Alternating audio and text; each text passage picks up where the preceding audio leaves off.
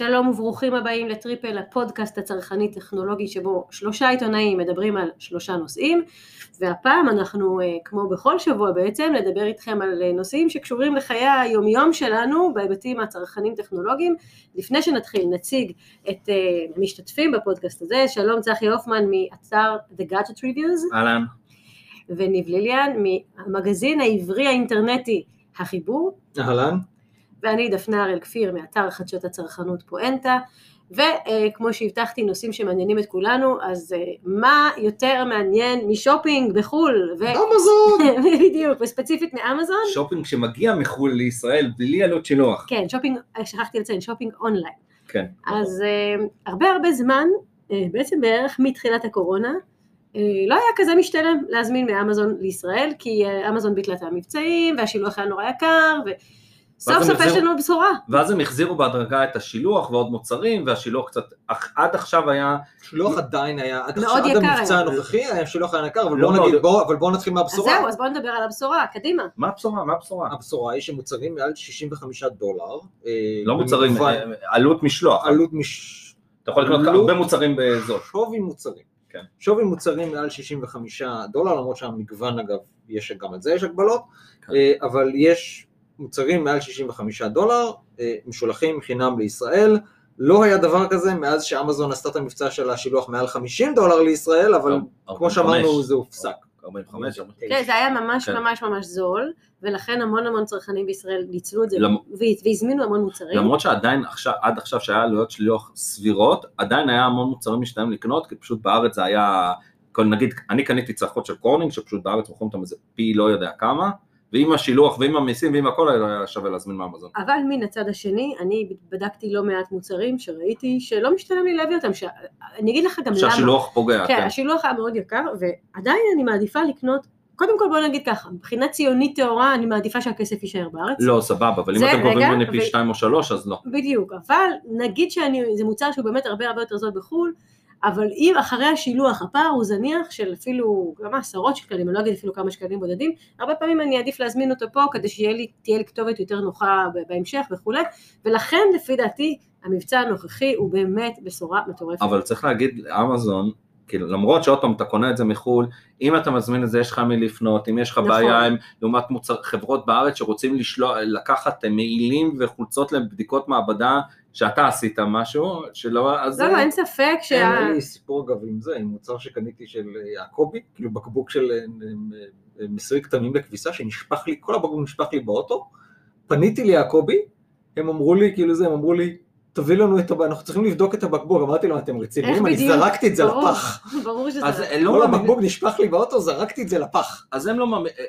הרבה בארץ יש נטייה לחלק מהחברות לא להאמין לצרכן המקומי, ואמזון מאמינים לך, ואתה יודע שאתה קונה, יש לך למי לפנות, ואני מקווה שהם יחזירו עכשיו גם את ה... אם אתה רוצה להחזיר, שזה היה בתחנות דלק. הדרופשיפינג זה מעולם לא הופסק. אה, אני בדקתי על משהו והם לא, לא משנה. אני לאחרונה שלחתי מוצר בחזרה. מוצר שבור, נשלח חזרה דרך ה dropshipping. בלי עלות אה, החזרה. שום דבר. אז נו, זה פשוט נוח. אז אין פה בכלל ספק, סליחה על הרעש, זה המחשב של ניב. זה היה המחשב שלו. אה, כן, אבל אין בכלל... סדלה הולך יחף. אין פה בכלל ספק שאמזון אה, לא במקרה הגיע למעמדה הרם, היחס שלה ללקוחות, הנוחות, האמון, כל הדברים האלה, גם אפילו המהירות, היום לפעמים יותר, יותר מהר לך להזמין מאמזון מאשר בארץ, בגלל אם אתה רוצה שישלח לך משהו בדואר. נכון, אתה משלם את אותו עלות שילוח בערך שהיית מזמין מהארץ מוצר, הוא מגיע לך לפני עם UPS עד הבית. כן. וחברה אחרת שאתה שולח מהארץ, המשלוח עולה אותו דבר, לוקח יותר זמן וזה מגיע לאיזה, במקרה הטוב לאיזה קיוסק שאני צריכה להתחיל לדדות אליו. אז כן, אז באמת יש פה בשורה לצרכנים הישראלים, אנחנו לא יודעים להגיד כמה זמן זה יימשך. אה, אנחנו כן יודעים... כרגע זה קורה, תנצלו את זה. בדיוק, אנחנו כן יודעים להגיד שבפעם הקודמת זה, זה יצר באמת אה, גידול מטורף במספר ההזמנות מאמזון, אה, ואני כן ממליצה לצרכנים שעד עכשיו ככה התלבטו והשילוח היה להם יקר מדי, אה, להזמין את מה שהם רוצים, כי אנחנו לא יודעים תוך כמה זמן אמזון תשנה את זה, במיוחד אגב לאור ההתפרצות גם של הדלתא בעולם וכולי, אה, כל הסיפור הזה משפיע בסוף גם על המכולות ועל השינוע ועל המון המון דברים, ויכול להיות שזה יתגלגל גם לעניין של השילוח, אז תנצלו את זה בזמן. ויש אגב עוד שתי הערות רלוונטיות לעניין הזה, אה, שדבר ראשון באמת בהנחה של מ-65 דולר ומעלה היא כמעט חופפת לפטור ממע"מ שעומד נכון. על 75 דולר, ככה ששווה לנצל, את, ה, שווה לנצל את, ה, את שתי התקרות הקרובות, כי זה גם, גם בלי דמי משלוח וגם אה, פטור ממע"מ כל זמן שעוד מאפשרים לנו את זה, כי כל הזמן יש יוזמות לנסות להחזיר את המע"מ על מוצרים מחו"ל. אה, אה, והדבר השני, שזה אה, מהקצת שבדקנו כרגע במהירות, המוצרים, סוג המוצרים שזכאים לסוג, למשלוח בחינם, הם דווקא מוצרים ש, שיקר לשלח אותם, כמו מוצרי אלקטרוניקה, למשל, אה, אחד המוצרים שראיתי זה מוצר, מש, מוצר מש של טיפי-לינק, של מוצרים שבדרך כלל השילוח שלהם הוא יקר, אז זה הופך את זה לעוד יותר כדאי. או, מש, אני רוצה לקנות מש. או, אתה רואה, אה, גם אני הנה. חושב על זה. אז זהו, אז זה הטיפ שלנו אה, אה, לתחילת התוכנית, אבל אנחנו אה, הבטחנו לכם עוד כמה נושאים מעניינים, אז מיד נעבור אליהם. עכשיו בואו נדבר על שואבי אבק, ואני חייבת להגיד. כן, חייבת. להגיד שאין הרבה מוצרים בבית שלאנשים יש כזה קשר רגשי אליהם כמו לשואב אבק שלהם. השבוע דייסון השיקה את הדור החדש של השואב האלחוטי שלה, דייסון V15 דיטקט.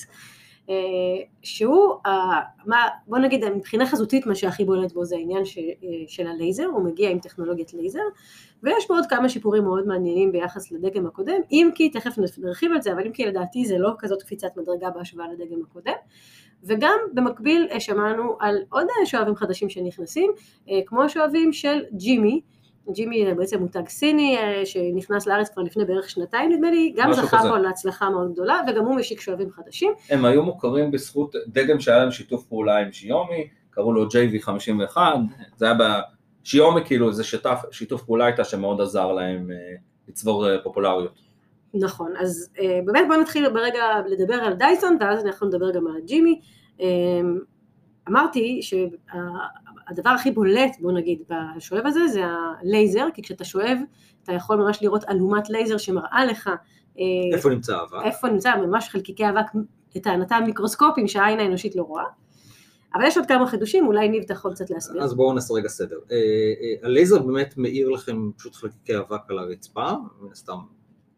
אבל לגבי החלק המיקרוסקופי, בכל הדור החדש של ה-V15 Detect יש גם אה, מה שדייסון מכנים חיישן פיאזו, שזה בעצם חיישן שהם הם לקחו את זה בעצם מהמוצרי מסנני האוויר שלהם, שגם עליהם אנחנו דיברנו אגב בטריפל, ואתם מוזמנים להאזין לפרק הרלוונטי. נכון, אה, הם בעצם לקחו את החיישנים שמודדים את חלקיקי, את חלקיקי האבק, באמת המיקרוסקופיים, אה, גדלים של אה, מיקרונים בודדים אה, אה, באוויר, ובעצם התקינו אותו בתוך השואב אבק, ככה שאפשר גם לראות על הצג LCD שלהם, אפשר גם לראות, אה, אפשר גם לראות אה, אה, כמה חלקיקים מיקרונים נאספים, ובאיזה ובאיזה, גודל. ובאיזה גדלים, אני זאת רוצה אומרת, לשאול שנייה צחי, מגודל של פרושים ועד גדלים של דברים הרבה יותר קטנים כמו אלרגנים ודברים כאלה. כן צחי, מה רצית לשאול? למה, מה המטרה, אני לא הייתי במסיבת עיתונאים, הבאסתי באותו יום, מה המטרה בלספר לך וואו. כמה אספת? אתה שואל מה זה שאלה טובה, זה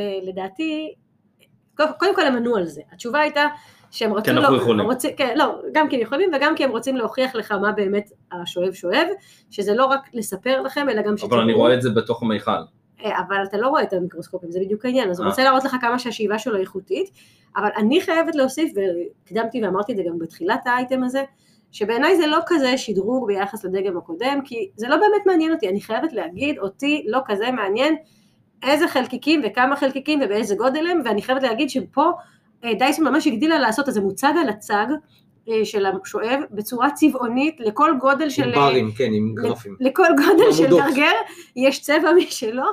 בעיניי זה לא מידע חיוני, אבל זה גימיק. זה, זה גם גימיק, אבל גם יש, יש גם, גם פונה למה שנקרא, כל מה שנקרא דור ה-Q, אנשים שאוהבים למדוד כל דבר, אז בואו נמדוד כמה ביצוע, כמה, כמה אבק שאבנו הם היום שיפרו מהבית. משהו כן.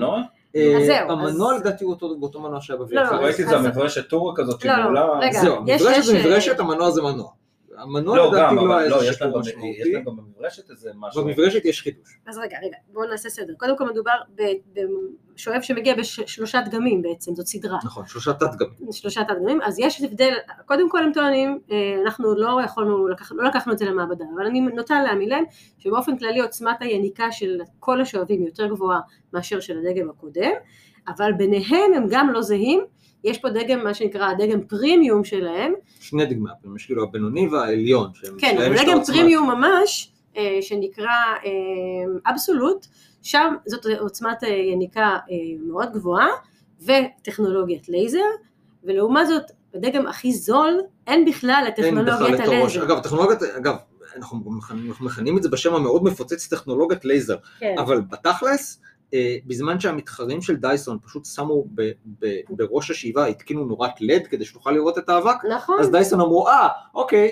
אה, we will see your led, ואנחנו במקום הלד אנחנו נשים לייזר. בדיוק, אבל הסיפור. זו תאורה, זו בסופו של דבר תאורה. כן, נכון. זה תאורת לייזר.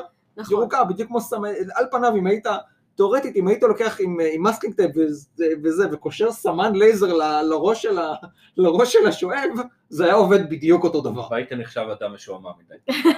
אה, אתה יודע מה, אני הולך לעשות את זה סתם בשביל הקטע, לראות אם זה עובד. עכשיו, עוד לא אמרנו מילה, ואני חושבת שזה באמת מאוד מעניין את הצרכנים, אה, על המחירים. רגע, אבל אנחנו רוצים לדבר על המברשות, כי הזכרנו כן, כן, נדבר עליו, אני רק רוצה לציין שהמחירים פה הם מחירים גבוהים בשביל ששואב, אה, הדגם הבכיר שדיברנו עליו עכשיו, דגם היוקרה, עולה 3,600 שקל.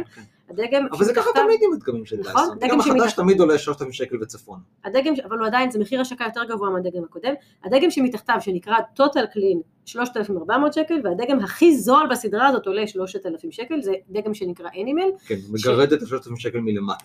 אני עיגלתי את זה בכמה שקלים למעלה. אז זה שואב יקר, אז בואו uh, בעצם נגיד מה עוד אתם מקבלים בו, uh, ותחשבו אתם אם זה משתלם לכם, כי כמו שאמרת, דייסון גם שינתה חלק מהמברשות. אז זהו, אז בראש, בדגם הבינוני והגבוה אתם מקבלים בעצם שני ראשי שאיבה לרצפות, מה שלא מגיע בדגם הבסיסי, בדגם C יש רק ראש שאיבה אחד. הראש שאיבה הנוסף בדגם הבינוני והגבוה זה באמת הראש עם הלייזר, שהוא מכיל, אה, יש לו מברשת, פשוט מברשת רכה שמיועדת לרצפות. Uh, החידוש העיקרי במפגשת הראשית שמגיעה בכל שלושת הדגמים זה באמת מה שנקרא המנגנון המונע הסתבכות או אנטי טנגל באנגלית שבדומה לחלק מהמתחרים של, דייסון שמונע הסתבכות של שיער ארוך בעיקר בראש המברשת שזה מי שמכיר את זה זה די סיוט להתחיל להוציא בתור מישהו שיש לו שיער ארוך זה די סיוט להתחיל להוציא את זה מהמברשת זה די מעצבן. אז האנטי טנגל בעצם מכיל איזשהו אה, מסרק פוליקרבונט שבעצם מונע את ההסתבכות של השערות ובנוסף הם שינו את, את כלי, את כלי, הם הוסיפו כלי שאיבת ספות שבנוי באותה צורה, וגם הוא נועד, נועד למנוע מצב של, אה, נועד, כן, הם בנו אותו מחדש, נכון, ובנו, אה, מברשת ו... מיני, שנועדה למנוע הסתבכות של שיער. נכון, אז זה בעצם, אה, כדאי שתדעו שגם אם יש לכם דגם קודם, אתם יכולים לקנות רק את המברשות האלה ולהשתמש בהם בדגם לא, הקודם. אבל בהמשך, כן, כרגע, כאילו, כרגע הם עוד לא מציעים. יש תאימות, זאת אומרת, אז אל, אם כל מה שמדליק אתכם בסיפור הזה זה המברשת המיוחדת הזאת, אז גם תוכלו להתאים אותה אחורה. בדגם היקר יותר, באבסולוט, יש עוד אה, לדעתי תכונה שהיא דווקא יותר מצאה חן בעיניי מאשר הלייזר, וזה העובדה שאתה יכול להפוך את זה לשואב ידני בשנייה אחת, לא צריך להחליף מברשת, כי המברשת המקוצרת עם ה... ששואבת את ה... זה נכון, מברשת משולבת. כן, שזה היא, מאוד היא בילט אין כבר בתוך ה... בוא נסביר את זה רגע למאזינים שלנו, שבטח לא, אולי לא מבינים את התיאור. אה, יש למעשה בתוך הצינור הראשי, מה שבעבר לא היה בדייסון, אה, בתוך הצינור הראשי יש בעצם מברשת קטנה שמיועדת לאיסוף של חלקיקים קטנים, ספות וכולי. אם אתם שואלים את המקלדת למשל. אם אתם למשל רוצים לשאוף את המקלדת או, או משטח קטן, אז אתם יכולים פשוט לפרק את הצינור, ואז החלק שעדיין צמוד לראש השואב הוא מברשת קטנה. לא צריך להרכיב. וכשאתם מסיימים אתם פשוט מרכיבים את הצינור על המברשת, והמברשת בעצם מהווה חלק, מה, חלק מהצינור, ואתם יכולים להמשיך עם הניקוי הכללי. נכון. אז בעצם בעיניי זה דווקא אה, יותר מוצלח אה, מאשר הלייזר שאותי הוא פחות אה, אז יש כאילו כמה דברים שהם לא גימיקים. אז זה דווקא לא גימיק. אני כן אציין שאני קצת התאכזבתי מההשקה הזאת, וזה תכף גם יוביל אותנו לג'ימי, כי היום יש כבר הרבה חברות שמציעות אה, שואב שוטף אלחוטי. פעם היה רק שואב שוטף רובוטי, היום... זה היה מנגב, זה לא באמת היה שוטף, זה כן. היה... מורח. כן. לא משנה, אבל היום כן אפשר. זה לא יכול לאסוף קטשופ או משהו. נכון, אבל יש היום, אגב, אני כבר בדקתי גם שאוהב שאוסף קטשופ אה, של הביסל, אבל לא משנה, אני די לא מופתעת, אני, אני די מופתעת שדייסון, מכל הדברים, רוצה. מכל הדברים שהיא יכלה לשפר בדגם חדש, אה, הלכה על הלייזר ועל עוד איזה כמה דברים כאלה, ולא... זה מגניב, זה כמו רובוטים. כן, ולא על אה, שטיפה. זה ב-V16 שיעלה 4,500. בדיוק, לפי דעתי... לפי דעתי זה לא במקרה, הם טוענים שהם מאמינים, אני שאלתי אותם שם במסיבת העיתונאים, אז הטענה, התשובה הייתה, בדייסון לא מאמינים במוצ... במוצר שעושה שני דברים, אנחנו מאמינים שכל מוצר צריך לעשות את העבודה שלו. זה, זה כמו... נכון, וגם, וגם לדייסון בתפיסה שלהם, הם רואים את עצמם בתור חברה שמתעסקת עם טכנולוגיות אוויר. זה משיחה שהייתה לי עם מהנדס נכון. בדייסון לפני כמה שנים, שאגב את היתרון הזה תוכלו למצוא בחיבור, אה, שהם רואים את זה באמת חברה שמתעסקת בטכנולוגיות של אוויר, זאת אומרת לצורך העניין זה מייבש מאבק, שיער, מי- מייבשי שיער, מסנני אוויר, כן. כל, כל מה שקשור להנאה של אוויר ממקום למקום, אם לצורך של ניקיון או הם לא לצורך ניסו של סוללה, זה מה שהם עושים. הם לא כן. ניסו לפתח משהו לרכב? הם נכון. ניסו לפתח רכב חשמלי והתוכנית הזאת בוטלה. היי, בכל מה זאת שאני ממש הייתי- צחי? אני ממש הייתי רוצה לראות מכונית חשמלית של. דייסון, זה כנראה משהו מאוד מגניב אם היה. יוצא. דייסון עובדים פה אותו דבר כמו איי רובוט, שגם הם מאוד יקרים, המוצרים שלהם מאוד טובים גם. אבל ש- הם אבל הם הרובוט- יודעים מה שהם עושים. לא, אבל הרובוט שלהם, הוא, יש להם רובוט שואב ויש להם רובוט מנגב רטוב, הם לא חיברו את זה ביחד, הם לא מוכנים לעבוד באותה שיטה של שיומי או לא משנה מי. נכון. אה, זו הפרדה מאוד מוזרה ומאוד מייקרת את המחיר באלפי שקלים.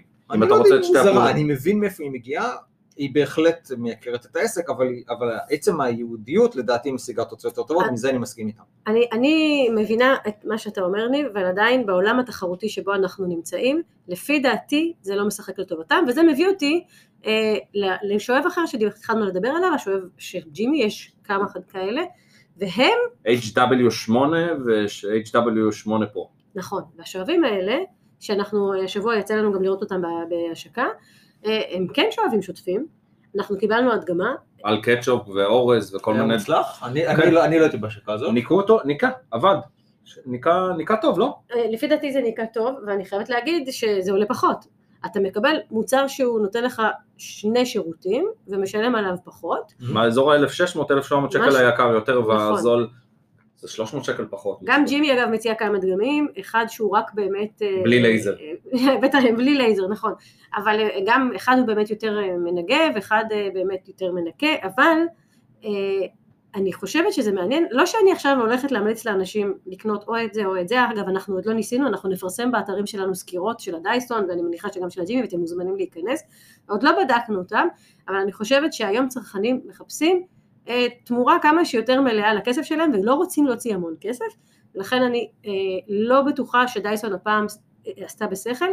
עוד שני יתרונות שהייתי רוצה למצוא בדייסון ומצאתי בשואבים אחרים כולל בג'ימי, זה שהשואב עומד לבד, הוא לא נופל, כשאתה לא מניח אותו על משהו, הוא עומד, זה דבר מאוד מאוד נוח, וגם אה, לדייסון יש את הבעיה הזאת שאתה חייב ללחוץ על המתג כל זמן להחזיק השאיבה, את ההדק לחוץ, נכון. וזה לא נוח, זה כואב נכון. כבר באצבע. אני אגב עכשיו בודק, אה, בודק את ה-G10 של אה, שיומי, כן, והוא ולהם- באמת יש לו את העניין של שאפשר, להפ- שהמתג אפשר להפעיל אותו, להפעיל ולכבות בלחיצה בודדת, זה נכון. באמת משנה את גם ברובורוק את- את. חוויית- את חוויית הפעולה. והדבר השני, אפרופו גם- אפרופו גם הגמה של, של, של שיומי, לשיומי יש אביזר אה, ניגוב, שאפשר להצמיד אותו מאחורי ראש נכון. השאיבה, והוא כולל גם מכל מים, ומהניסיון שלי הוא עושה, לפחות בכתמים אקראיים, כתמים קטנים על הרצפה, הוא מסיר אותם מצוין. נכון, אז אני גם בדקתי, אתם מוזמנים גם לקרוא את תגידו הסקירה. רגע, למרות שאנשים לא רואים את זה, אתם רואים פה את המנורה המעבבת בחדר שאנחנו יושבים, זה רוח רפאים, מאותת לנו. בקיצור, אה, אז כן, אני, אני ממליצה שכל מי שהולך היום לקנות שואב יבדוק את כל היתרונות ואת כל החסרונות ואת התמורה בעד המחיר וכך יחליט ולא ללכת שבי אה, אחרי מותגים אה, ותדמית וכולי. עכשיו בואו נדבר על אה, לפטופים לבית ספר. אה, בשנה, שנתיים, שלוש האחרונות יותר ויותר אה, ילדים ובני נוער אה, עוברים ללמוד לימודים, אה, לא דיברתי אפילו עכשיו על הזום, אלא בכלל, הספרי לימוד עוברים אה, להיות דיגיטליים, וילדים צריכים אה, איזשהו פתרון, בין אם זה טאבלט, בין אם זה לפטופ, אה, ואנחנו כאן כדי לעזור להורים לבחור לפטופ לילדים, אה, עם באמת עם ייעוד שהוא לבית ספר, זאת אומרת, אנחנו לא מדברים כרגע על ילדים גיימרים, או אנחנו מדברים על הייעוד הזה, מחשב בסיסי לצרכי לימודים. אם נכון. רוצים משחקים, קחו מחשב אחר. בדיוק. אז אפשר למצוא היום מחשבים כאלה במחיר שמתחיל מ- אפילו 1,100-1,300 שקל. אה, אנחנו יכולים להגביל את עצמנו נגיד באייטם הזה למחשבים שעולים בערך עד 3,000 שקל פלוס מינוס. בוא נעשה 3,500 כי זה, זה פחות או היה הגבול של כתבה שעשיתי בדיוק בנושא הזה לוואלה. אוקיי, אז אפילו 3,500, אבל אנחנו לא מדברים על מחשבים יקרים, כי לא. חלק מהקריטריונים בלבחור מחשב ל- לילד זה המחיר שלו. אנחנו יודעים שילד סוחב את זה לבית ספר כל יום, זה עלול להישבר, עלול ללכת לאיבוד, זה צריך להיות קל על הגב, אז אנחנו... אה, אז זהו, לגבי קל זה לא תמיד הולך ביחד. נכון. אמ, אז רגע, בוא נגיד, ניב, אתה כתבת על זה כתבה בוואלה, אני כתבתי על זה כתבה אה, בפואנטה, אז בוא, ניב, תתן לנו קצת רקע. אוקיי, אז, אז קצת רקע. בגדול, הקטגוריית המחשבים שאנחנו מדברים עליה אה, לצרכים האלה זה מה שנקרא everyday computing. אלה מחשבים שבדרך כלל מכילים סט לא רע של חומרה, היא לא מאוד יקרה, אבל, אה, זה, אבל איפה, איפה מגיעות הפשרות בקטגוריה הזאת? זה לרוב יהיה כאילו המארזים, איכות המארז, איכות הקופסה של המחשב לא תהיה מהאיכות הכי משובחת שיש, זה יהיה בדרך כלל איזה משהו פלסטיקי, אה, לפעמים חלק מטכנולוגיות הקישוריות לא יהיו הדברים הכי מתקדמים שיש בשוק, והדבר האחרון, וזה גם, זה לא תמיד בגלל האופי המארז, זה גם לא תמיד יהיו מחשבים שהם סופר קלים, הם לא יהיו מאוד כבדים, כי היום כבר יש כבר כל מיני שגשגות ודברים שמאפשרים ליצור מחשבים יחסית קלים אה, אה, ומחומרים לא יקרים, אבל זה בדרך כלל יהיו נגיד מחשבי 14 או 15 אינץ'.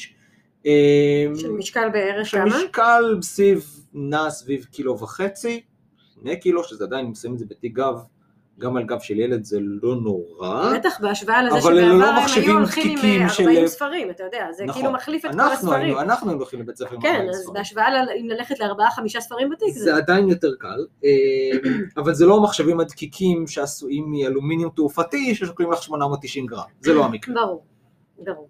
עכשיו בוא נדבר אה, על עוד כמה שיקולים מנחים כשאתה בוחר אה, אה, לפטופ לילד, אז דיברנו באמת על המסך, עכשיו יש איזה רצון, אולי כדי להוריד את המשקל, לקנות לכאורה מחשב עם מסך קטן, אבל אתם צריכים לזכור שאתם, שהילד צריך לקרוא על המסך הזה, אז לא כדאי, אתה אומר, ללכת על מחשבים מינימום. של אה, 11 אינץ'. מינימום לדעתי 14 אינץ' היום. כן, 14, 13 או 14, 13, 3, 14 זה כבר לא הפרש גדול, כן, זה זה הגדלים שמקובלים. ובדרך כלל לפטופים עם מסך 15 אינץ' יותר זולים.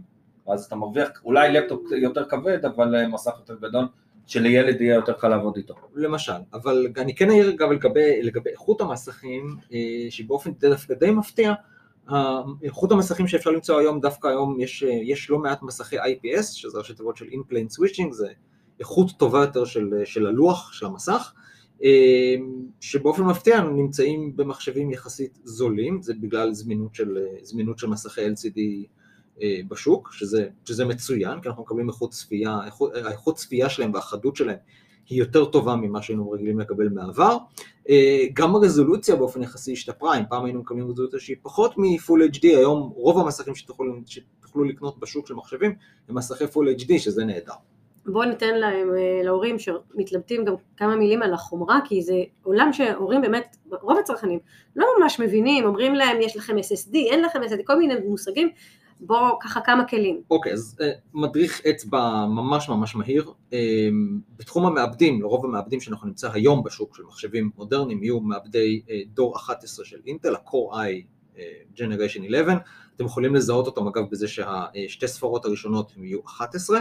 אה, בעניין הזה יש אגב מדריך שלם בחיבור, שאנחנו נשים לכם אותו פה בכישורים, על מה המשמעות של המספרים במעבדים של אינטל. ועוד אופציה שהפכה להיות מאוד, מאוד, מאוד ויאבילית במעבדים, זה מעבדים של AMD, שצוברת מחדש אה, כוח בשוק הניידים. המעבדים העיקר- העיקריים שיש להם היום זה מעבדי ריזן 7, שהסדרות שלהם מתחילות ב-5000. שמעבדים שלהם אגב נותנים כוח עיבוד מצוין ובמחיר לא גבוה, אז הם גם, הם לא פעם יהיו אופציה קצת, קצת יותר זולה במחיר הסופי של המחשב. ומבחינת האחסון, אה, כמו שדפנה הזכירה, אז היום האחסון שמקובל להכניס במחשבים, כבר אין לנו היום כוננים אה, מגנטיים מסורתיים, שגם היו יותר כבדים פיזית, יש לנו היום אה, פשוט אה, אה, כונני SSD, שזה בעצם רכיב, זיכרון שיושב בתוך המחשב, ונפח האחסון משתנה, זאת אומרת, אבל הוא כן משפיע על המחיר של המחשב, לצורך העניין, הפרש נגיד בין 256 גיגה בייט אחסון ל-512 גיגה בייט אחסון, זה יהיה הפרש של עוד 200 או 300 שקל במחיר, עשוי להיות. אה, אולי נדבר קצת גם על עוד כמה פיצ'רים שיש במחשבים. אני למשל מאוד אוהבת מסך מגע, ואני חושבת שלילדים, שכל חייהם הרי נמצאים על מסך ועל הסמארטפון וזה, אז אה, מסך מגע בעיניי לפחות זה פיצ'ר שכדאי לחפש אותו. כן, נכון, אבל זה מייקר את יותר המ... יקר, זה קצת יקר את המחשב, אבל כן, זאת אומרת, מי שרוצה את חוויית Windows 10 או Windows 11 המלאה, שווה, ל- ויש לו את האפשרות להשקיע את עוד 100 או 200 שקל במחשב, שווה. נראה לי זה קצת יותר, לא? זה, אני, מהמחירים שאני, ההבדלים שאני ראיתי בין הדגמים, הבדלים לא גדולים, למשל לצורך העניין אתה יכול למצוא שני דגמים של לנובו, הפלקס 5 והאידיאה פד, גם נדמה לי האידיאה פד 5, שמחשב עם מסך מגע ומחשב בלי מסך מגע עם נתונים די דומים, אותו מחיר. כדאי להסתכל על הנושא של אה, מצלמת אינטרנט, נכון. נכון. שמתישהו נבלה עוד פעם בסגר. אה, אם אה, ו- אם וכשה, כן. אז- כן. אז גם היצרניות באמת מתייחסות לזה בדורות האחרונים, ובאמת שיפרו את המצלמות הקדמיות בגלל ענייני הקורונה. אבל צריך לשים לב, כי היום, כי גם עדיין, גם אחרי השיפור, המצלמות הקדמיות הן עדיין באיכות די נמוכה. כן. אבל יש גם תכונה שמאפשרת לסגור את המצלמה, שזה... התריס. כן, התריס, תריס שזה... פרטיות. או לשים פשוט פלסטר או מדבקה. כן, אבל יש, יש ממש יצרניות שמדגישות מראש שיש לה מחשב תריס, ו... נכון. זו פונקציה שאגב יותר מקובלת במחשבים עסקיים, אבל היא קיימת בחלק גם במחשבים שמיועדים ל- לתלמידים.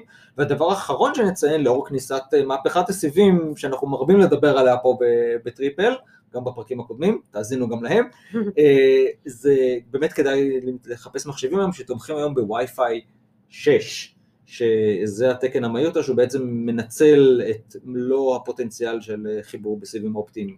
כדאי לשים. לב שללפטופ אין מעט מדי חיבורים, יש יצרניות ששמות לך USB-C אחד או משהו. אז זהו, החיבורים הם דווקא די, היום זה סט די סטנדרטי, כי זה פשוט מגיע כחלק, חלק מהערכה של אינטל.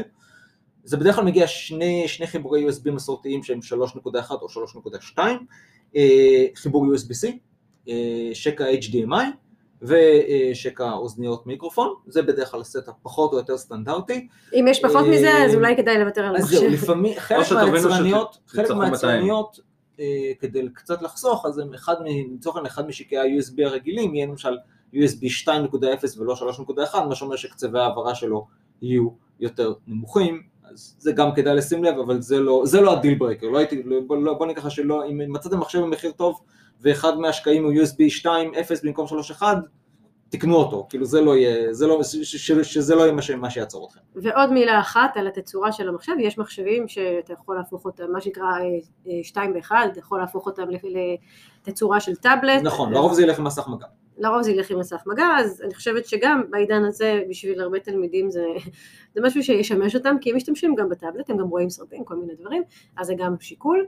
אה, וזהו, מבחינת דגמים אנחנו לא נרד פה עכשיו לרזולוציה של פרטים, אבל כן אפשר להגיד שכמעט לכל היצרניות יש היום כמה דגמים כאלה, אה, שהם זולים ומותאמים לילדים, נכון, בטווחים של נגיד בין אלף, בסביבות האלף שקלים עד 3,500, אפילו 4,000 שקלים. זה בערך הטווחים, אני מאמין שרוב ההורים יוכלו למצוא מה שמתאים להם בתוך הטווח הזה. ומילה אחרונה, אני הייתי אומרת למי שמתלבט היא בין לפטופ לטאבלט, אני חושבת שלפטופ עדיף. מבחינת כוח עיבוד, כן. מבחינת כוח עיבוד וגם הנוחות של הילד לעבוד ואחסון וכל כן. מיני. אז אה, בזה אנחנו נסיים את הפרק הזה של טריפל. דיברנו איתכם על שואבים, דיברנו איתכם אה, על לפטופים לילדים, אה, אנחנו אה, בסך הכל אה, מקווים שגם הפעם, כמו בפרקים קודמים, אתם אה, נהניתם אה, וקיבלתם טיפים שימושיים, מוזמנים להאזין גם לפרקים הקודמים, יש שם טיפים מאוד מאוד מוצלחים בכל נושא כמעט. אה, בוא נגיד כמה מילים על האתרים שלנו, אה, ניב, דבר איתנו על החיבור. אז החיבור מתמקד בעיקר בחיים חכמים ועוזר לנווט את חיינו בסבך הטכנולוגי. אה, יכולים למצוא אצלנו, כמו שאמרתי, מדריכים ממדריכים שונים, כמו למשל על מה אומרים, מה אומרים המספרים במעבדים של אינטל, או מדריך שמוקדש לווי-פיי 6. אה, אתם מוזמנים להיכנס lnk.co.il או לעקוב אחרינו באינסטגרם, טלגרם, פייסבוק וכולי. צחי? אה, אתר The Gadget Reviews, אתר עם סקירות על טלוויזיות, סמארטפונים, שעונים חכמים, אוזניות, אה, מלא סוגי גאדג'טים וחדשות, ואתם יכולים אה, להיכנס לטלגרם, להצטרף ולקבל את כל ההודעות, את כל הכתבות בעצם, לקבל אותן ישר שהן עולות. ואני אגיד ככה מילה או שתיים על פואנטה, פואנטה הוא אתר חדשות צרכנות שמתעסק לא רק בטכנולוגיה, גם בפנאי, גם בקורונה, בבדיקות קורונה, בהרבה מאוד נושאים אחרים, פיננסים וכולי. מוזמנים להיכנס גם אה, לעמוד הפייסבוק של פואנטה, גם לעקוב אחרינו בטלגרם, באינסטגרם, ביוטיוב, אה, וכמובן להירשם כאן כדי להאזין לנו בפודקאסט הזה, בכל הפלטפורמות, ותוכלו לקבל התראה תמיד. ונזכיר שאנחנו עכשיו גם בדיזר, לכל מי שביקש, אנחנו נמצאים גם בדיזר, אתם מוזמנים להאזין לנו גם שם. מחכים אה, לכם גם בפרק הבא, תודה שהאזנתם.